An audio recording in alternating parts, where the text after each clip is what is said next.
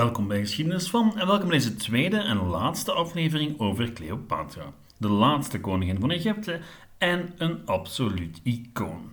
Al millennia lang draaft ze op in beeldhouwwerken, schilderijen, theaterstukken, televisiereeksen, films, tekenfilms, games en ga zo maar door. Er lijkt wel geen einde te komen aan de interpretaties en reïnterpretaties van Cleopatra. Was ze nu een femme fatale, een feministe avant la lettre, Egyptisch, Grieks of Afrikaans? Het zijn allemaal versies van de vrouw die in de loop der eeuwen naar voren zijn gekomen. Maar waar komen die eigenlijk vandaan en wat is de historische basis daarvan?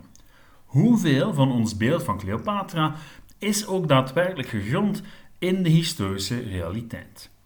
Antwoorden op die vragen en veel meer in deze aflevering van Geschiedenis van.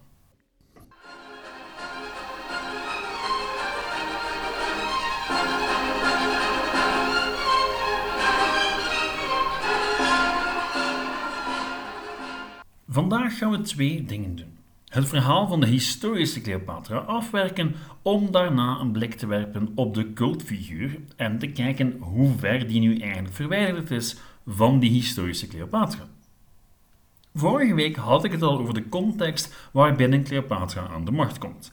Namelijk een verzwakt Egyptisch koninkrijk dat enkel nog bestaat bij gratie van Rome, met een koninklijke familie die steeds met zichzelf overhoop ligt.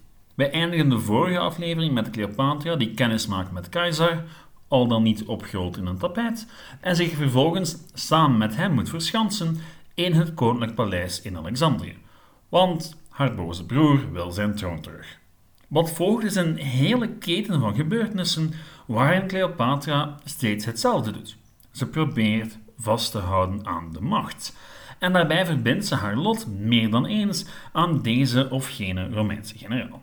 Oké, terug naar ons verhaal. Begin 47 voor Christus komen keizers versterkingen aan en weet hij Ptolemaios XIII te verslaan. Die verdrinkt in de Nijl tijdens het vluchten en Cleopatra's rebellerende zusje, Arsinoe, wordt in de boeien geslaan. Nu zou je kunnen denken dat Cleopatra het rijk voor zich alleen had. Maar zo makkelijk ging dat natuurlijk niet.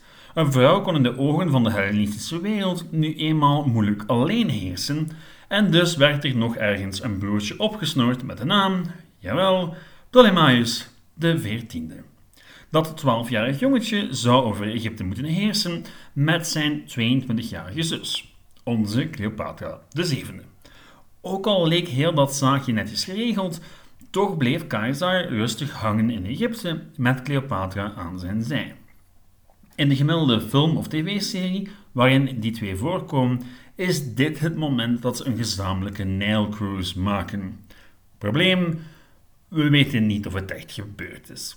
Ja, er zijn wat Romeinse auteurs die over schrijven en Suetonius gaat zelfs in detail over het schip, maar eigenlijk is er geen concreet bewijs. Het past echter zo goed binnen het beeld van extravagante luxe dat Romeinse historici wouden ophangen van Cleopatra dat je het maar best met een kooltje uitneemt. Terug naar de feiten nu. Niet lang na die zogezegde cruise werd Caesarion geboren, zoon van keizer en Cleopatra. Wel, in elk geval volgens Cleopatra, want dat verkondigde ze steeds in het breed en het lang. Nu, keizer zelf was ondertussen teruggekeerd naar Rome, waar hij heerste als dictator. Technisch gezien was Rome nog steeds republiek, maar het had er steeds minder weg van. Ergens tegen het einde van 46 voor Christus arriveerden ook Cleopatra en haar broer, slash echtgenoot, in Rome. Zowat de hele Romeinse beaumonde bracht haar een bezoekje. Inclusief Cicero trouwens, die haar wegzette als arrogant. Nu, dat is dan zeg helemaal niet zo vreemd, want Cleopatra was zowat alles waar de klassieke Romeinse republiek een probleem mee had. Een vrouwelijke monarch met macht. Zij en de Romeinse elite dachten op een totaal andere manier na over macht. Voor haar was het bijvoorbeeld doodnormaal dat er een gouden standbeeld van haar in een tempel voor Venus geplaatst werd. Voor een rechtgeaarde republikein als Cicero was dat een absolute nachtmerrie. Cleopatra symboliseerde het Hellenistische Griekse goddelijke koningschap, waar de gemiddelde Romein een absolute afkeer van had. Het was ook net het idee dat Keizer steeds meer weg leek te hebben van een Griekse vorst en niet van een Romeinse republikein, dat leidde tot de Ides van maart. U weet wel, 15 maart, 44 voor Christus, toen keizer werd doodgestoken door een meute senatoren. En toen deed Cleopatra iets vreemds. Ze bleef nog een maand hangen. Ze bleef een maand hangen in Rome. Waarom deed ze dat? Wel, waarschijnlijk omdat ze hoopte dat haar zoon Caesarion tot opvolger van keizer benoemd zou worden. Maar daar was in de verste verte geen kans toe. Het toont de gigantische kloof in het denken tussen de Romeinen en Cleopatra. Voor de Romeinen was zoiets helemaal not done. In Keizers testament bleek zijn achterneef Octavianus aangesteld als erfgenaam en niet veel later nam Cleo de benen. Eenmaal thuis overleed haar broer slash echtgenoot door vergiftiging en stelde ze haar zoon aan als medeheerser. En daarmee was ze de eerste vrouw sinds heel lang die echt alleen heerste over Egypte, zonder inmenging van een broer of echtgenoot. Maar daar eindigt ons verhaal natuurlijk niet. Want mocht het hier eindigen, dan zitten we niet met die dramatische figuur van een Cleopatra die we allemaal zo goed kennen. Cleopatra mocht dan wel stevig op haar Egyptische troon zitten. Dat deed helemaal niks af van het feit dat ze A. nog steeds een heleboel geld schuldig was aan Romeinen en B. Rome het nog steeds voor het zeggen had in het Middellandse zeegebied. Oké, na de dood van Keizer was men initieel druk bezig met een burgeroorlog, maar eens afgerond was het voor haar opnieuw zoeken naar Romeinse bondgenoten. En er was een logische keuze: Marcus Antonius. Want hij en Octavianus hadden e- tegen 42 voor Christus wat de hele Romeinse wereld onder elkaar verdeeld. Met Octavianus in het westen en Marcus Antonius in het oosten. En die Marcus Antonius, die kenden ze nog van voorheen, want hij had geholpen haar vader terug op de troon te zetten. En al vlug hadden die twee meer dan enkel een professionele relatie. Al was die professionele relatie waarschijnlijk wel wat primeerde voor Cleopatra. En dat loonde ook, wel, op korte termijn in elk geval. Cyprus bijvoorbeeld, een tijdje geleden geannexeerd door de Romeinen, werd teruggegeven aan de Egyptenaren. En Cleopatra's laatste echte concurrente voor de troon, haar zus Arsinoe, werd op haar vraag geëxecuteerd. Tel daar bovenop nog de tweeling die voortkwam uit haar relatie met Antonius, en tegen 40 voor Christus heb je het gevoel dat alles haar voor de wind gaat. En dat ze erin geslaagd is om het Egyptische koninkrijk, dat er echt niet goed aan toe was, een nieuwe levensadem te geven. Maar, ja, het zal niet waar zijn. Het grote probleem was dat de tweedeling van de republiek niet zou blijven duren. Er waren pogingen tot verzoeningen, maar die brachten op lange termijn weinig tot niks op. Neem bijvoorbeeld de zuster van Octavianus, Octavia, die werd uitgehuwelijkd aan Marcus Antonius. Dat leek een goede zet, maar op lange termijn maakte het de relatie tussen Octavianus en Marcus Antonius hoe langer hoe moeilijker. Want hoe meer tijd Antonius beneden bij Cleopatra, hoe meer Octavianus zijn verontwaardiging kon uitschreeuwen en beweren dat Antonius nog amper een Romein was, maar langzaam maar zeker veranderde in een Oosterse despoot. Wat nogal raar klinkt als je weet dat die Octavianus later de naam Augustus zal dragen en algemeen gezien wordt als de eerste Romeinse keizer en echt een einde gaat maken aan de republiek. Maar dat is misschien een verhaal voor een andere keer. Nu, in een poging om zijn greep op het oosten te verstevigen, deelde Marcus Antonius een pak grondgebied uit aan bondgenoten. Helemaal vooraan in de rij, Cleopatra. Of hoe Antonius zijn tegenstanders in Rome keer op keer een pak munitie gaf. Tel daar bovenop nog eens de rampzalige militaire campagne tegen de Parten en het was duidelijk dat zijn positie onder druk stond. Vanaf 34 voor Christus verergerde de situatie. Antonius onderwerp heel het oosten van het rijk en deelde nog wat koningstitels uit aan de kinderen van Cleopatra. Waardoor er vervolgens een echte propagandaoorlog uitbarstte. En in die propagandaoorlog werd de basis gelegd voor Cleopatra's reputatie tot op de dag van vandaag. Maar daarover straks nog veel meer. Nu, in de loop van het jaar 33 werd de kwestie meer dan ooit op de spits gedreven. Aan het einde van dat jaar zou de deal tussen Octavianus en Antonius aflopen en zouden beiden zonder nieuwe overeenkomst weer gewone burgers worden. Nu, in 32 lieten zij elk hun aanhangers wetten aanbrengen tegen de anderen, waarop Octavianus hoogstpersoonlijk de Senaat bestormde en min of meer de macht greep in Rome.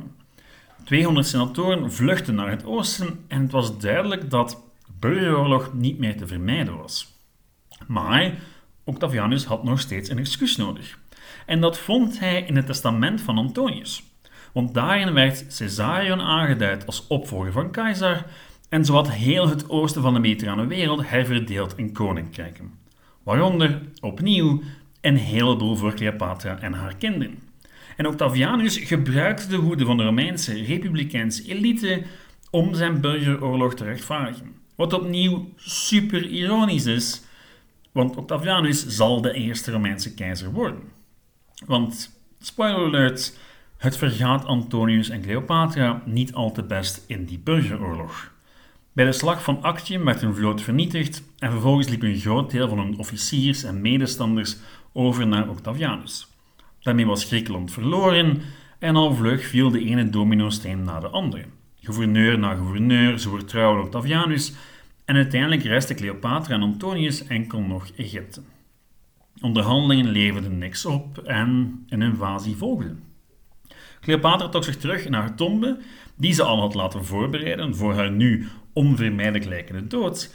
En het was naar alle waarschijnlijkheid haar bedoeling om zichzelf en al haar schatten in vlammen te laten opgaan.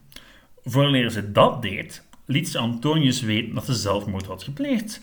Die stak, volgens de bronnen, een zwaard in zijn buik en werd als stervende naar Cleopatra gebracht. Ondertussen waren de troepen van Octavianus gearriveerd en werd Cleopatra gearresteerd. Er werd haar nog toegestaan om Antonius te begraven, maar vervolgens werd ze opgesloten in haar eigen paleis. Octavianus was van plan om haar en haar kinderen mee te voeren naar Rome in triomf. En kort nadat ze dat vernam, pleegde ze zelfmoord. Het verhaal van de slang is al wel zeer populair, maar sommige bronnen hebben het eerder over een gifinjectie, anderen over een zalf. We zullen het waarschijnlijk nooit weten en dat is redelijk passend wat betreft Cleopatra, want over haar zullen we ook nooit de volledige waarheid weten. Ze overleed in elk geval op 10 augustus 30 na Christus en was 39 jaar oud. Haar zoon Caesarion werd 18 dagen later geëxecuteerd op orders van Octavianus en Egypte werd gereduceerd tot een Romeinse provincie. En tot daar wat we min of meer zeker weten van het leven van Cleopatra de zevende. Of op zijn minst de consensus onder historici. En het is u waarschijnlijk al opgevallen dat die consensus een pak genuanceerder en complexer is dan het algemene beeld dat wij hebben van de Egyptische koningin. Vandaar mijn vraag: waar komt dat beeld nu eigenlijk vandaan? Wel, om te beginnen, de Romeinen. Er zijn zo'n vijftigtal historische werken uit het Romeinse keizerrijk die Cleopatra benoemen en die hebben het in de eerste plaats over de slag bij Actium, haar zelfmoord en alle feitjes die verspreid werden als propaganda tegen Antonius. De belangrijkste schrijver was Plutarchus, die een biografie neerpende over Marcus Antonius en daarbij een heleboel primaire bronnen gebruikte, maar dan nog valt hij echt wel binnen het officiële Romeinse narratief rond Cleopatra. U weet wel, datgene geconstrueerd in de regeerperiode van keizer Augustus. Al heeft Cleopatra hem nooit gekend onder die naam, wel onder Octavianus.